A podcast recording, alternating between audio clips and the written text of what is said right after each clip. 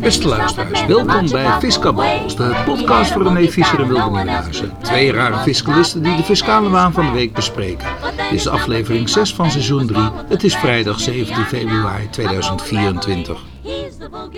Het reutelen kan beginnen.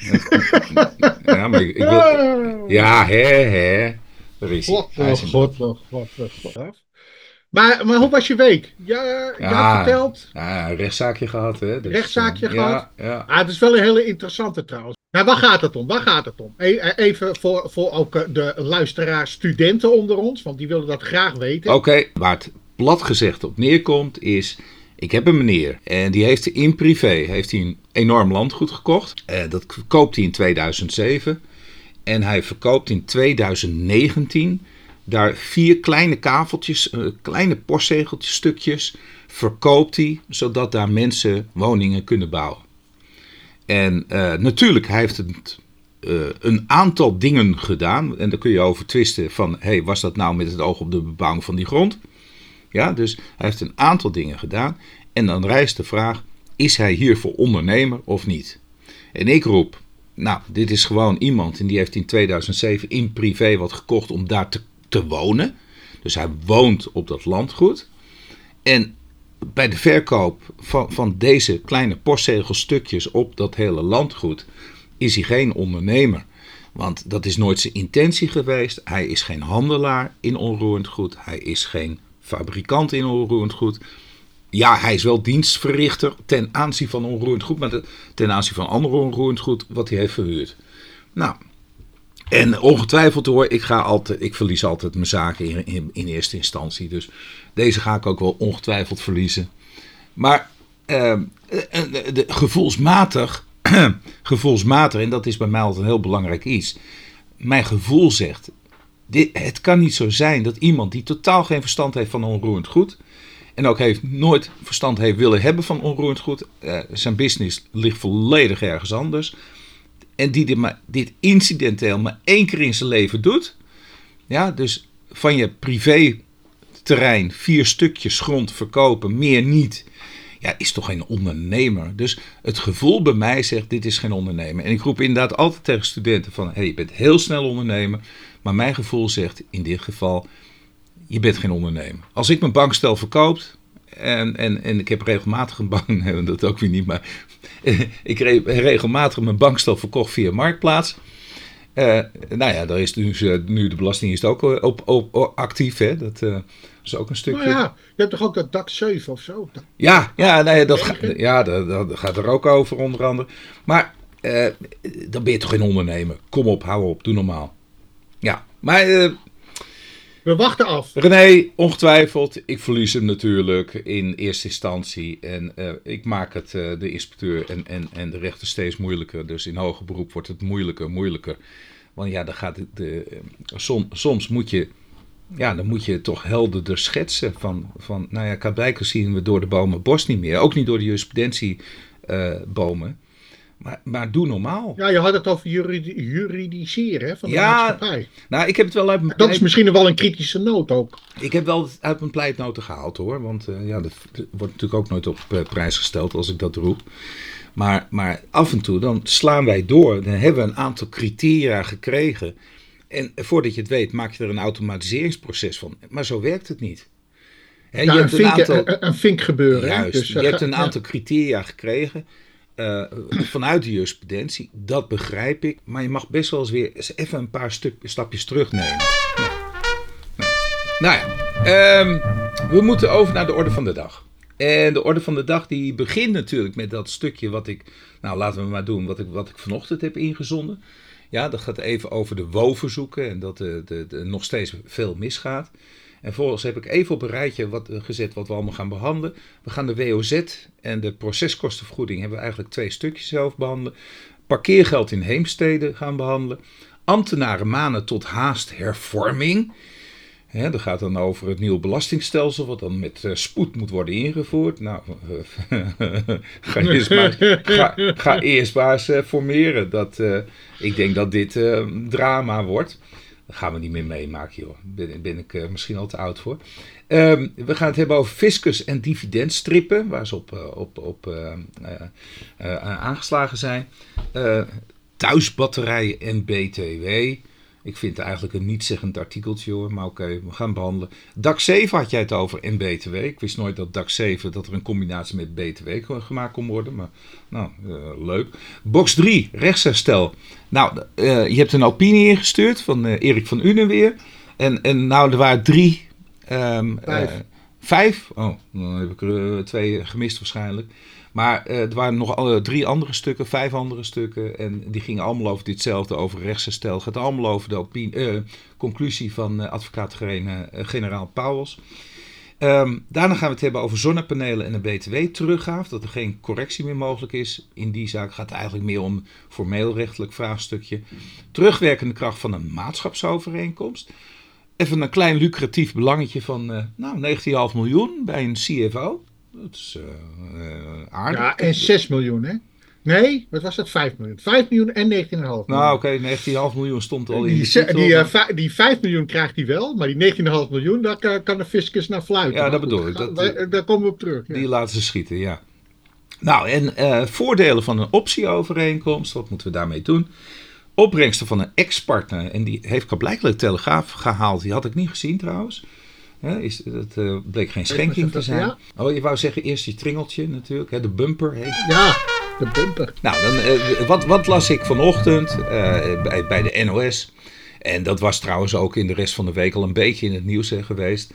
Maar nog altijd heel veel mis met wet open overheid. De WO. het wordt als een corvée-taak gezien. Zeg maar voor wat betreft dat WO-verzoek uit, uit de gemeente Horen. Dat ging redelijk snel. Ja. Dat, Zaandam ging ook redelijk snel. Ja. Maar in dit geval, dit gaat echt, uh, ja. Op meer gaat ja. de perken te buiten. Dat, ja, dit, ja dit gaat is... echt alle perken te buiten. Ja. Maar waar, waar het in dat artikel ook nog om gaat. Dus, kennelijk is uh, staatssecretaris Van Huffelen is daarmee bezig. Nou, ja, ja, en daar komen ze nu pas achter, hè, na vier jaar. Ja. Het, het, het, is, het is echt verschrikkelijk. Maar goed. Nou, als je vier dat jaar ook... zit ze niet op die post, toch? Dat, uh... Uh, maar dan zegt ze van, ja, wij gaan, wij gaan dingen meer openbaar maken. Hè? Dus, maar dat staat wel in de wet, hè? Dat ja. hadden ze al moeten doen. En overigens, dat vind ik ook wel gek dat de NOS dat niet bekritiseert. Hè?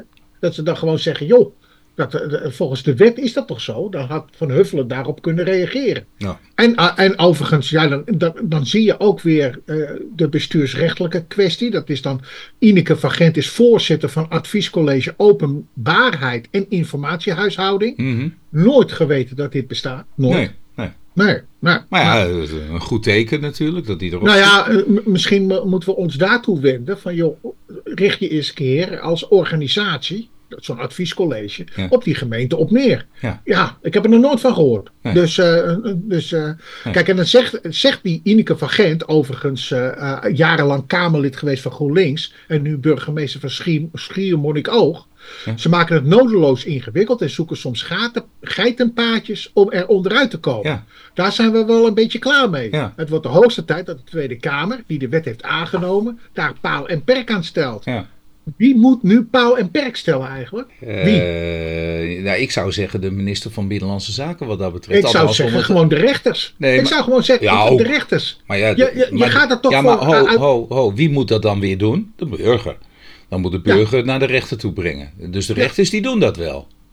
Nee, die moeten gewoon, uh, moeten gewoon strafmaatregelen uh, Strafmaatregelen? Nemen. Nou ja, ja, maar we hebben toch al ingebrekenstellingen en we hebben toch al dwangsom. Ja, maar dat, maar dat leidt tot niets, hè?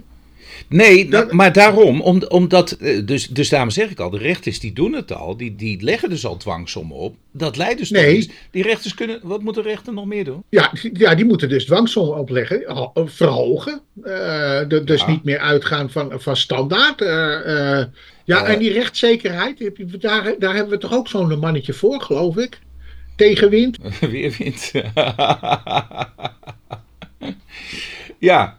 Ja, nou ja, maar die is ook al, uh, al, al met pensioen natuurlijk. Ja. Die, die Ineke van Gent kunnen we wel even een keer benaderen, vind je niet? Ja, misschien nou, moeten ik, wij ik denk dat, ik daar toch wel een, een, een briefje daarnaar. Misschien moeten wij verwijzen naar Fiskababbels. En dat ze eigenlijk, nou, een, de, de, uitzending na uitzending kan ze bijna wel overal de, de gemeente op meer. Uh, ja, dan kan ze in ieder geval het verloop horen van zo'n procedure. Hè? Ik ga hem eh, wegzetten. Ik ga naar het volgende onderwerp. En dat is de WOZ. De meeste WOZ-bureaus die stoppen gratis rechtshulp. Burger moet het nu zelf doen. Dat stond in de Telegraaf. En ik neem meteen even deze erbij. WOZ-beschikking die valt uh, weer op de mat. En zo krijg je de waarde omlaag van voor belastingkorting. Ja, ja. Nou, uh, wat, uh, jij viel vooral hier in, in dit laatste over André de Laporte, hè? Want... Zeker, zeker. Ja, al, allereerst, de vorige keer hebben we hem ook al even besproken natuurlijk. Ja, ja dit is weer het huis. Ja, dit is weer een vervolg op, de, op het artikel uit de, uit, uit de eigen, uh, eigen Huis magazine hè, van Vereniging Eigen Huis. Er wordt dus ook gezegd, dit jaar zijn worstbureaus naar verwachting veel minder actief. Door de wetswijziging krijgen ze nog maar 150 per gewonnen zaak. Vroeger 600. Maar ja, weet je, dat staat er niet bij. Want waar, waarvoor krijg je dan 600 euro? Dan moet je dus een taxatierapport maken. Dan moet je gaan procederen. Moet je bezwaar maken. En dan moet je ook nog eens een keer gelijk krijgen. André de Laporte merkt op, dat is dus van Vereniging Eigen Huis, namens Vereniging Eigen Huis, merkte op dat de meeste gemeenten op hun website duidelijk uitleggen hoe je in bezwaar kan gaan. Hm. Een heleboel gemeenten hebben ook telefonisch spreekuren of inlopend spreekuur. Ja. En, en hij doet voorkomen en dan moet je, ook dat nog, ja, kunnen doen. Dat, dat ja, en dat je dus ook objectieve, objectieve informatie krijgt. Ja, dat is leuk. Hè? Ik bedoel, je, je vraagt bij de belasting zelf aan van... hé, hey, hoeveel belasting moet ik betalen? Ja, Kunt u mij daar even mee helpen? Ja, ja, om, om het te verlagen. Ja. Ja, nou, wat denk je wat het antwoord zal zijn? Nee, Nee, mevrouwtje. Nee, meneertje. Nee, dat hebben we goed dat vastgesteld. Dat is allemaal goed gedaan. Dat, dat, hebben dat hebben wij goed gedaan. Dat, is de computer. Dat is de software. De vereniging Eigen Huis, nogmaals, dat moet opkomen voor eigen woningbezitters. Ja. Maar hier slaan ze de plank volledig mis. Het gaat er niet om dat de gemeente welwillend is en dat het kosten van de gemeenschap zijn. Nee, het gaat erom dat, je burgers. Procedureingang zo moeilijk is. Die, die, die, ja, die, die procedureingang heel moeilijk vindt. En jij kunt het wel heel makkelijk vinden, André Laporte. Maar maar jou, jou, zelfs onder jouw leden sluit ik niet uit. Dat er ook heel veel mensen dit maar beren ingewikkeld vinden. Ja, en als je dan die hele weg uh, torpedeert door maar 150 euro dan te vergoeden. In plaats van die 600 euro. Ja, dan, dan houdt het snel op voor die mensen. precies, precies, precies. Volgende is, gemeente Heemstede moet door fout 100.000 euro aan parkeergeld terugbetalen. Nou, komt je bekend voor, of niet? Ja, nou, nog niet dat de verordening, die was hier fout gemaakt. Hè, waardoor die verordening was door de verkeerde vastgesteld, laat ik het zo zeggen. Hè, dus de, de, de, de, de basis waarop de belastingheffing kon plaatsvinden, die was er helemaal niet.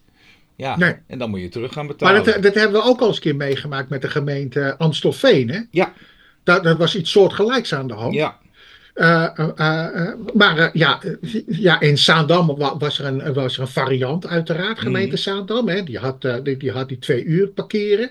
Ja, maar daar moesten ze ook terugbetalen. Onderhoud gehaald door de Hoge Raad. En daar hadden ze ja, zeker, zeker. Maar daar hebben ze niet gedaan. De, de grondslag wordt gemist. Ja. dus je hebt geen basis om belastingheffing, want dat is in strijd met welke wet, Wilbert? Nou, volgens de, grond, hè? Oh, sorry. Volgens de grondwet kun je geen belasting heffen als er geen belastingwet is. Nee, precies. Ja, en als jij geen goede belastingwet, eh, geen, geen rechtsgeldige belastingwet hebt geïntroduceerd, want daar komt het in feite op neer, ja, dan kun je niet heffen. Dus zo simpel is het. Maar oké, nu gaan we naar de fiscale waan, uh, René. Ja, weer. Uh, Dit was al fiscale waan hoor. Nou, ambtenaren manen haast te maken met hervorming belastingstelsel. Ehm, het volgende artikel is box 3, asiel, Rijkswaterstaat en Tata. Ze kunnen miljarden gaan kosten. Ik denk dat het lijstje nog niet eens uh, voldoende is. Nee, nee. Ja, mijn boodschap zou zijn, allereerst, wees nou eens eindelijk een keer in die Tweede Kamer wat constructiever ten opzichte van elkaar. Probeer eens nou eens eindelijk eens te zoeken naar oplossingen. En niet elkaar de tent uitvegen. En dat bedoel ik de hele Tweede Kamer, hè, zo langzamerhand.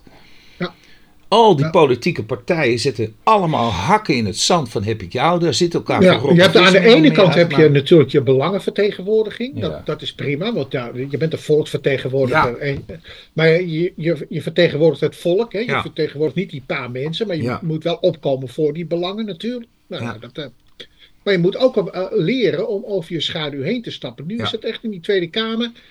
Kijk, dit zijn de problemen waar we voor liggen. We hebben, de, de rechtszekerheid is in het geding. Daar, daar gaat het om. Ja. Hè? Want wat namelijk, ja, in dat stukje over, eh, over die fiscus en, eh, eh, en over de Belastingdienst en over de Belastingwet.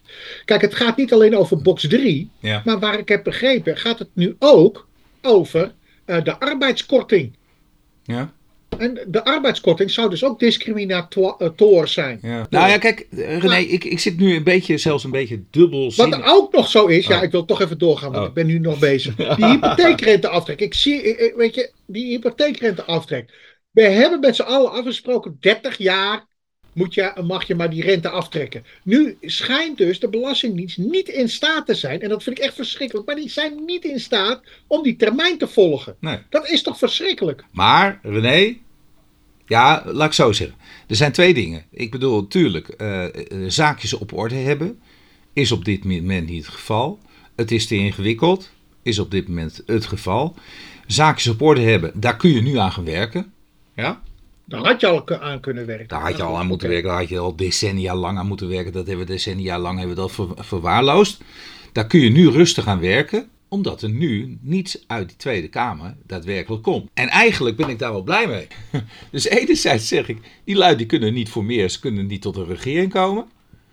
En anderzijds is het best wel rustig, hè René? Nou, ik weet niet of dit nou een goede uitgangspunt is hoor.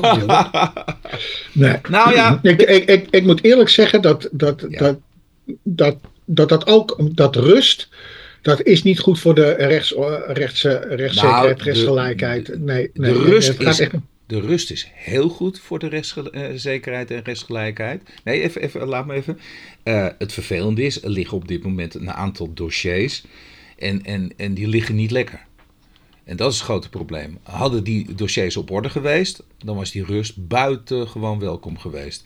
Want elke keer dat aanpassen, continu maar weer. En dat heigerige gedoe van de Tweede Kamer. En, ja, en maar Wilbert, heigen- dit, maar Wilbert, Ja, dit dossier over die 30 jaar, ja. Dit dossier ligt dus ook al bijna 20 jaar. hè? Nou, René, even deze. Eh, Fiscus ja, deze op- nog even. Fiscus jaagt op bijna kwart miljard euro wegens dividendstrippen. Dat wist ik ook niet. Dat, ja, ik wist wel dat er veel procedures liepen. Ja. Maar het gaat dus om een belang van 250.000, nee, 250 miljoen euro.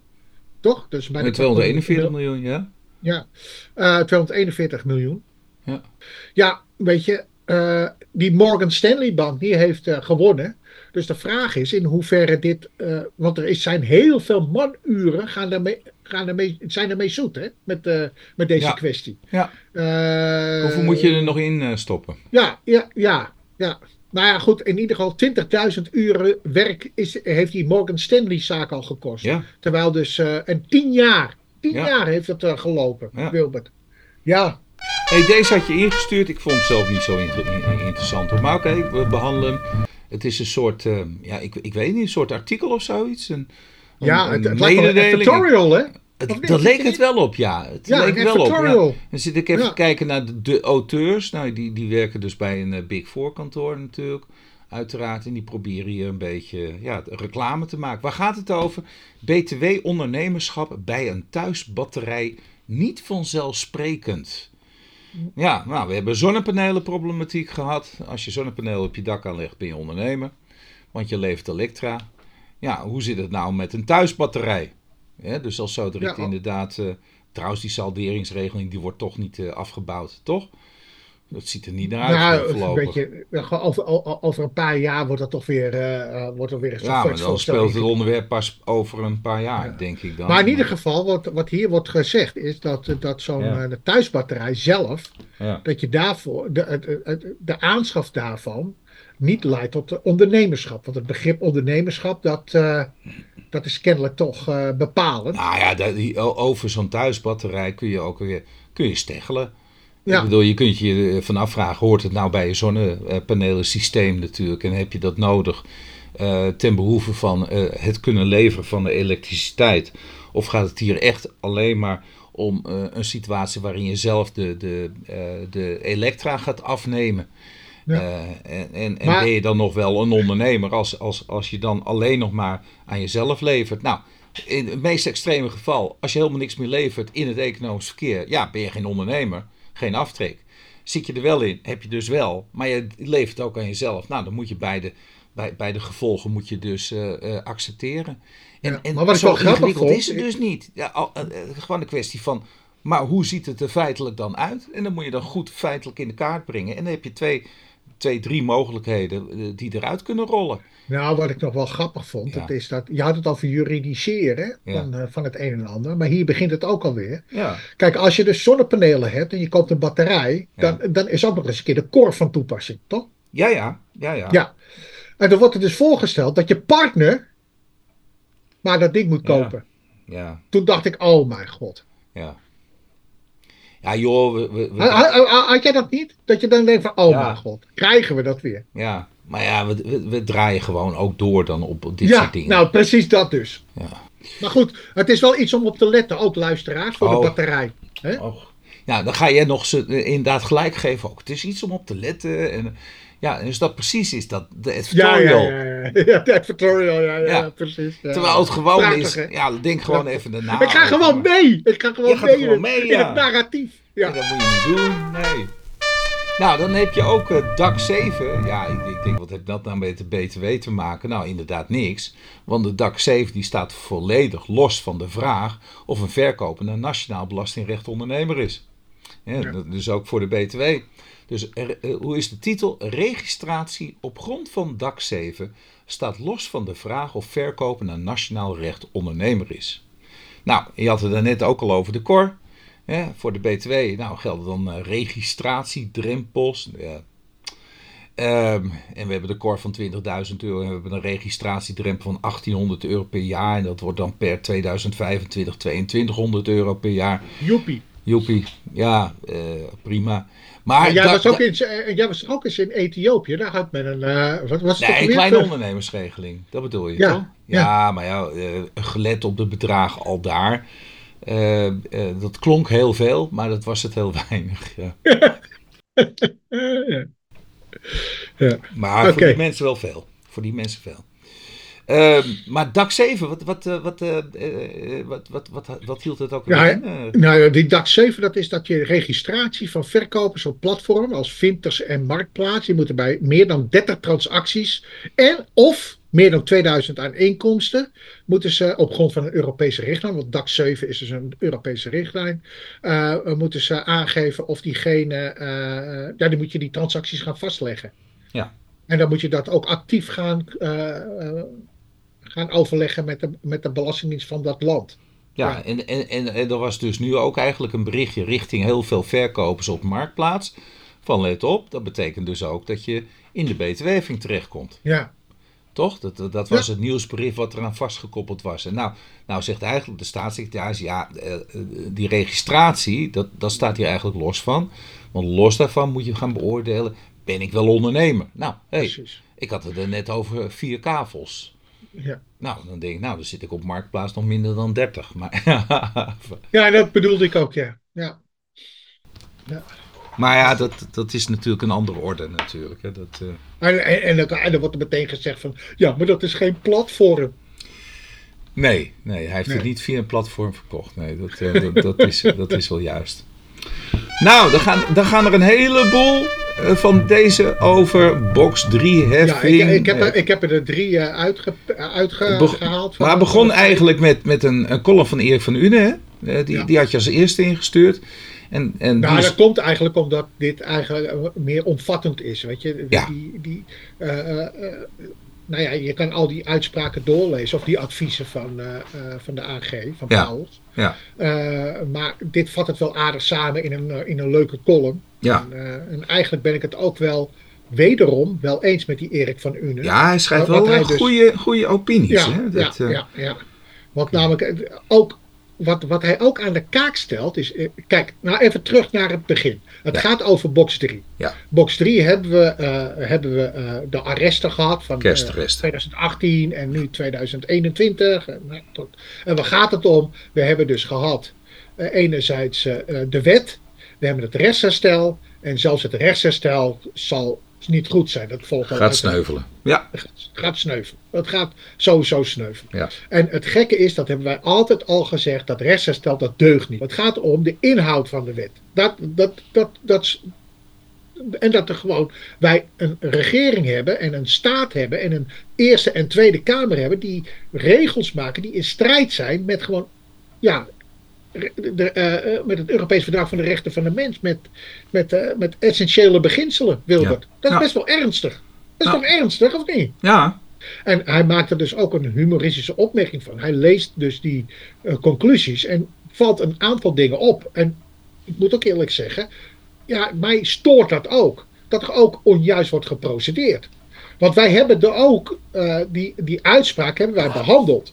Eh, waaronder bijvoorbeeld dat koersverlies en koerswinst.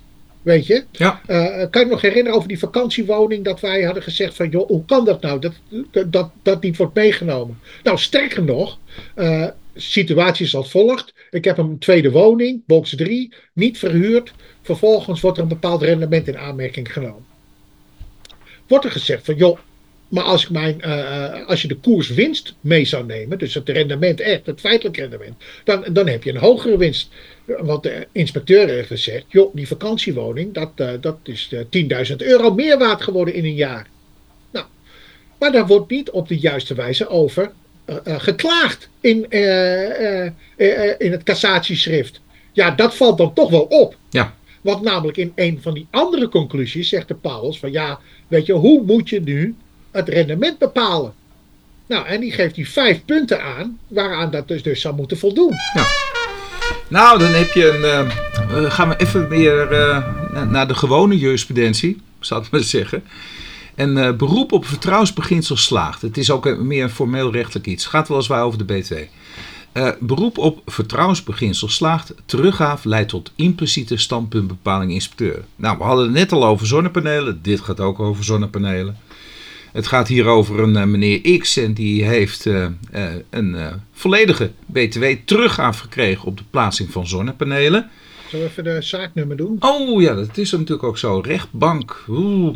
Den Haag. Oh, Den Haag. Rechtbank Ja. Den Haag van 31 augustus 2023. Zaaknummertje 22, schap eh 6226. Dus 6226. Nou, ik zei dus al, X die eh, eh, zonnepanelenhouder, een, een eigenaar van een woning, die legt zonnepanelen op zijn dak. eh, krijgt dus, vindt dat hij gerechtigd is op een teruggaan van BTW. dient dat ook in. Inspecteur is het er niet mee eens eigenlijk. Hij zegt je krijgt niet alle BTW terug. Maar door een misverstand, tussen aanhalingstekens, geeft hij toch de volledige BTW teruggaaf. Ja, dus die, die inspecteur, hij zegt nee, hij doet ja. Ja, eh, nou ja, daar, kun je weinig bezwaren tegen hebben. En X die, die gaat er ook van uit dat het juist is, omdat er toch een behoorlijke discussie over is. Nou, die denkt, nou, heb ik toch alsnog eh, gelijk gekregen. Hij geeft al, alsnog mijn zin. Maar ja, ze komen erachter dat het eh, verkeerd zat. En de inspecteur die zegt, ja, ja, dat had ik niet moeten doen, volledig teruggaan. En die legt een, een, een op. Nou, en dan zegt de rechtbank van, joh, dat kan niet. Eh, je, en dan, je had maar goed je best moeten doen. En meteen keurig eh, niet de volledige teruggaaf moeten geven. Ja, dan had je recht van spreken. Maar Ja, of je had direct moeten reageren. Hè? Ja. Kennelijk, het zat er een tussen tijdverloop tussen de teruggaafbeschikking en de Ja. brieven van de inspecteur. Zat nog, eh, was, ging nog een redelijke tijd overheen. Ja, maar dat was ook helemaal niet het geval. Nou, dan hebben we een uitspraak van de, de rechtbank eh, Den Haag. Nee, sorry, Arnhem. Hof Arnhem. Hof- sorry, Hof Arnhem, ja. Hoe komt het daar nou? Ja. Hof Arnhem. En Hof Arnhem die, eh, die, die heeft de uitspraak gedaan op 6 februari 2024. Dus dat is eh, vrij recent, dat is nog maar 10 dagen terug. En eh, met zaak nummer 22, schrap 487. En dan gaat het over een terugwerkende kracht aan een maatschapsovereenkomst. Dus je komt met terugwerkende kracht kom je een maatschapsovereenkomst overeen. En, en, en- Nou, dat moet even. eh, eh, ja, nee, maar dat ga jij mij zo direct even uitleggen. En dat heeft geen incidenteel fiscaal voordeel tot gevolg. Nou, help. die, die terugwerkende kracht dus. Hè? Ja, Kijk, we gaan naar een boerenbedrijf. Huppakee. Ja, het is, het is een akkerbedrijf. En het, weet je, het begin klinkt heel ingewikkeld, maar dat is het eigenlijk niet. Je hebt, eh, je hebt eerst eh, zeg maar een onderneming een in, in, ma- eh, ge- geëxporteerd in maatschapsverband te, tussen X en A. X die verkoopt zijn melkquotum aan A en staakt zijn onderneming. Vervolgens wordt het doorgezet door de ander. Maar eh, eh, eh, op, op een gegeven moment denkt X van nou, ik treed toch maar toe in de maatschap. En de vordering die is ontstaan vanwege de verkoop van mijn onderneming, die breng ik weer in. Ja. Dat doet hij dus in eh, 2016. Die treedt op 26 april 2016 toe tot de maatschap. En die, die kent eigenlijk toe, in die maatschapsovereenkomst, zegt hij met terugwerkende kracht naar 1 januari 2016. Ja. Hè, dat is meestal wel gebruikelijk dat je zegt van nou, in 2016 stel ik een We doen het overeenkomst hele jaar. Ja. En, en, en dan voor het hele jaar, want anders Ja. moet je vanaf 2016 doen. En er is een, eh, eh, de eh, staatssecretaris heeft daar een goedkeurend beleid op, op gepubliceerd. ja. Waarin dus wordt gezegd van joh, als jij geen incidenteel voordeel wilt, dat kan alleen maar als je beoogt, dan is dat mogelijk. Met uitzondering dus als jij dus incidenteel fiscaal voordeel daarmee verkrijgt. Hmm. Nou, eh, rechtbank overigens, die is daar dus met de inspecteur in meegegaan. Dus deze belastingplichtige, die moest dus in eh, hoger beroep. Hmm. En die zegt dus van ja, maar ik heb helemaal geen incidenteel voordeel. Het lullige is overigens wel, en dat is wel weer het treurige aan deze kwestie, Hmm. is dat deze persoon X Ja, komt eh, overlijden. Ja. o- op 1 januari 2017. Hè? Dus Ja. 1 januari, Ja. dus, eens- ja, weet je, je hebt ineens het boekjaar net, net kunnen afmaken. Ja, Hè? Het is maar één boekjaar. En Ja. als gevolg van het overlijden ja. is het dus ook maar één jaar dat die, eh want die 2, 3, 15.000 euro, dat was die vordering die hij had verkregen in verband met de verkoop, die werd dus altijd in het verleden bij meneer X geplaatst in box 3. Hmm. Hè, dus dan moest je uh, vermogensrendementsheffing over betalen. Maar ja, als je dat inbrengt in een onderneming, waar verdwijnt dat in? In box 1. Hmm. Dus die inspecteur zegt, ja, maar dat is incidenteel voordeel. Maar dat is niet beoogd incidenteel voordeel, Nee. omdat het een duurzame, eh, eh, eh, maar, maar door, door het overlijden incidenteel is geworden. Ja. Maar ja, daar kan, je geen, daar kan je niet actief een invloed op uitoefenen, lijkt mij. Nou ja, Althans. ja, ja. Ah, ik neem aan dat hij op een normale manier... Ja, laten we daar maar van uitgaan. En, dat het niet, en dat de belastingadviseur niet heeft gezegd van ja, u kunt nu gaan. een fiscaal gedreven overlijden. Ja, precies. nou goed, in ieder Ja. geval. Ja, Het is wel eh, to- toevallig, hè? 1 januari. Op 1 januari 2017 overlijdt hij. ja, ja, dat is ook wel weer heel. eh, eh, ja, dat is toch wel, wel triest eigenlijk. Ja, toch? Maar goed, in ieder geval, eh, Hof Arnhem die zegt dus van ja, nee, er wordt volledig voldaan aan, die, aan, aan, aan, aan, die, aan het besluit van de staatssecretaris. Ja. En je kan hieraan niet een incidenteel voordeel aan toerekenen. Want Nee. namelijk, het is beoogd dat het gewoon duurzaam is. Want die Ja. maatschapsovereenkomst is ook voor onbepaalde tijd aangegaan. Nou, een lucratief belangcorrectie van 19,5 miljoen. Bij een CFO geschrapt. Ja, Ja. Het is een uitspraak van de rechtbank Zeeland-West-Brabant 5 januari 2024.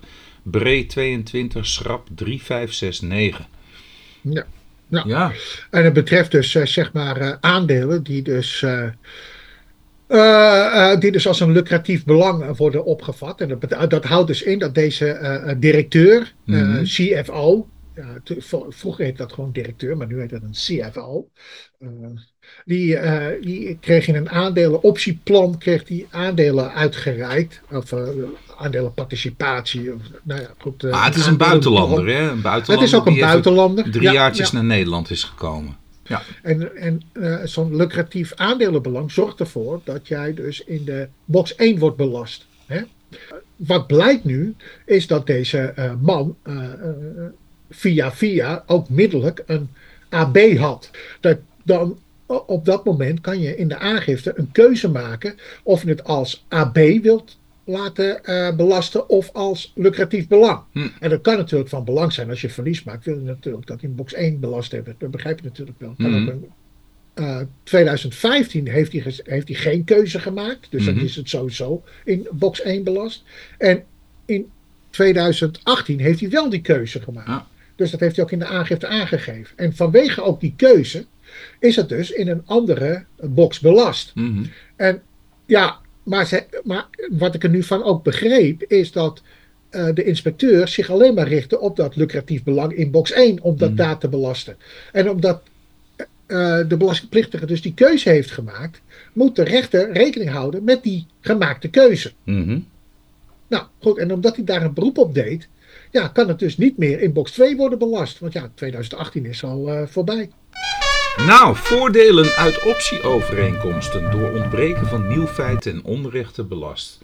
Uitspraak van de rechtbank Den Haag van 18 januari 2024, AWB 22, schrap 3509. En, en het gaat natuurlijk om dat nieuwe feit. Ja, en ik heb die uitspraak dus ook, uh, ook gelezen. En het ging dus over aandelenopties mm van ING. Dus je, hebt een, uh, je, je, je had dus twee mogelijkheden. Mm -hmm. Je had dus uh, een, een aandelenoptie met, met de ING tegen een hogere prijs en tegen een lagere prijs. Mm -hmm. Ja, dat is dan short gaan en nog wat gaan, denk ik. Ik weet niet hoe, dat, hoe die termen nou precies heten. Maar in ieder geval, dat leed dus het aangaan van die overeenkomsten tot een verlies. Ja. En dat verlies wilde dus deze uh, uh, desbetreffende belastingplichtige, die heeft dus dat verlies in aanmerking genomen. Ja. En, en dat heeft het er ook gewoon aangegeven en dergelijke. En vervolgens zijn die aanslagen dus definitief opgelegd. En achteraf zegt die inspecteur, ja, die neemt dan het standpunt in dat ze, ja, hoe, hoe, moet ik dat zeggen? Dat die optieovereenkomsten, die dus zijn aangegaan, alleen maar tegelijkertijd konden worden uitgevoerd. Maar als je dus tegelijkertijd konden worden uitgevoerd, mm -hmm. dan was dat verlies niet behaald. Mhm. Hè? Want of je maakt een verlies of je maakt een winst, als je begrijpt wat ik bedoel. Ja. Nou, en, en kennelijk uh, heeft de inspecteur niet uh, snel genoeg uh, daarop gereageerd, op die verliezen. Nou, Mm. en, en dat wordt hem nu ook aangerekend, Mm. de inspecteur. Nou, deze heeft de krant gehaald, begreep ik. Ja, de Telegraaf heeft het titel eh, luidt: Ontvangsten van ex-partner zijn geen schenkingen. Dus de uitspraak van gerechtshof Arnhem-Leeuwarden, 30 januari 2024. Dus twee weken geleden. 23, schrap 160.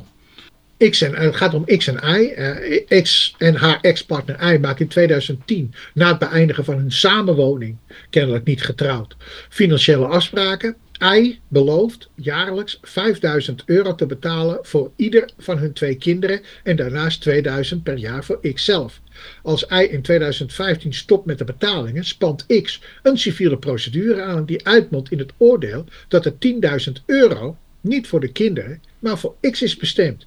De kinderen woonden in 2010 namelijk niet bij X.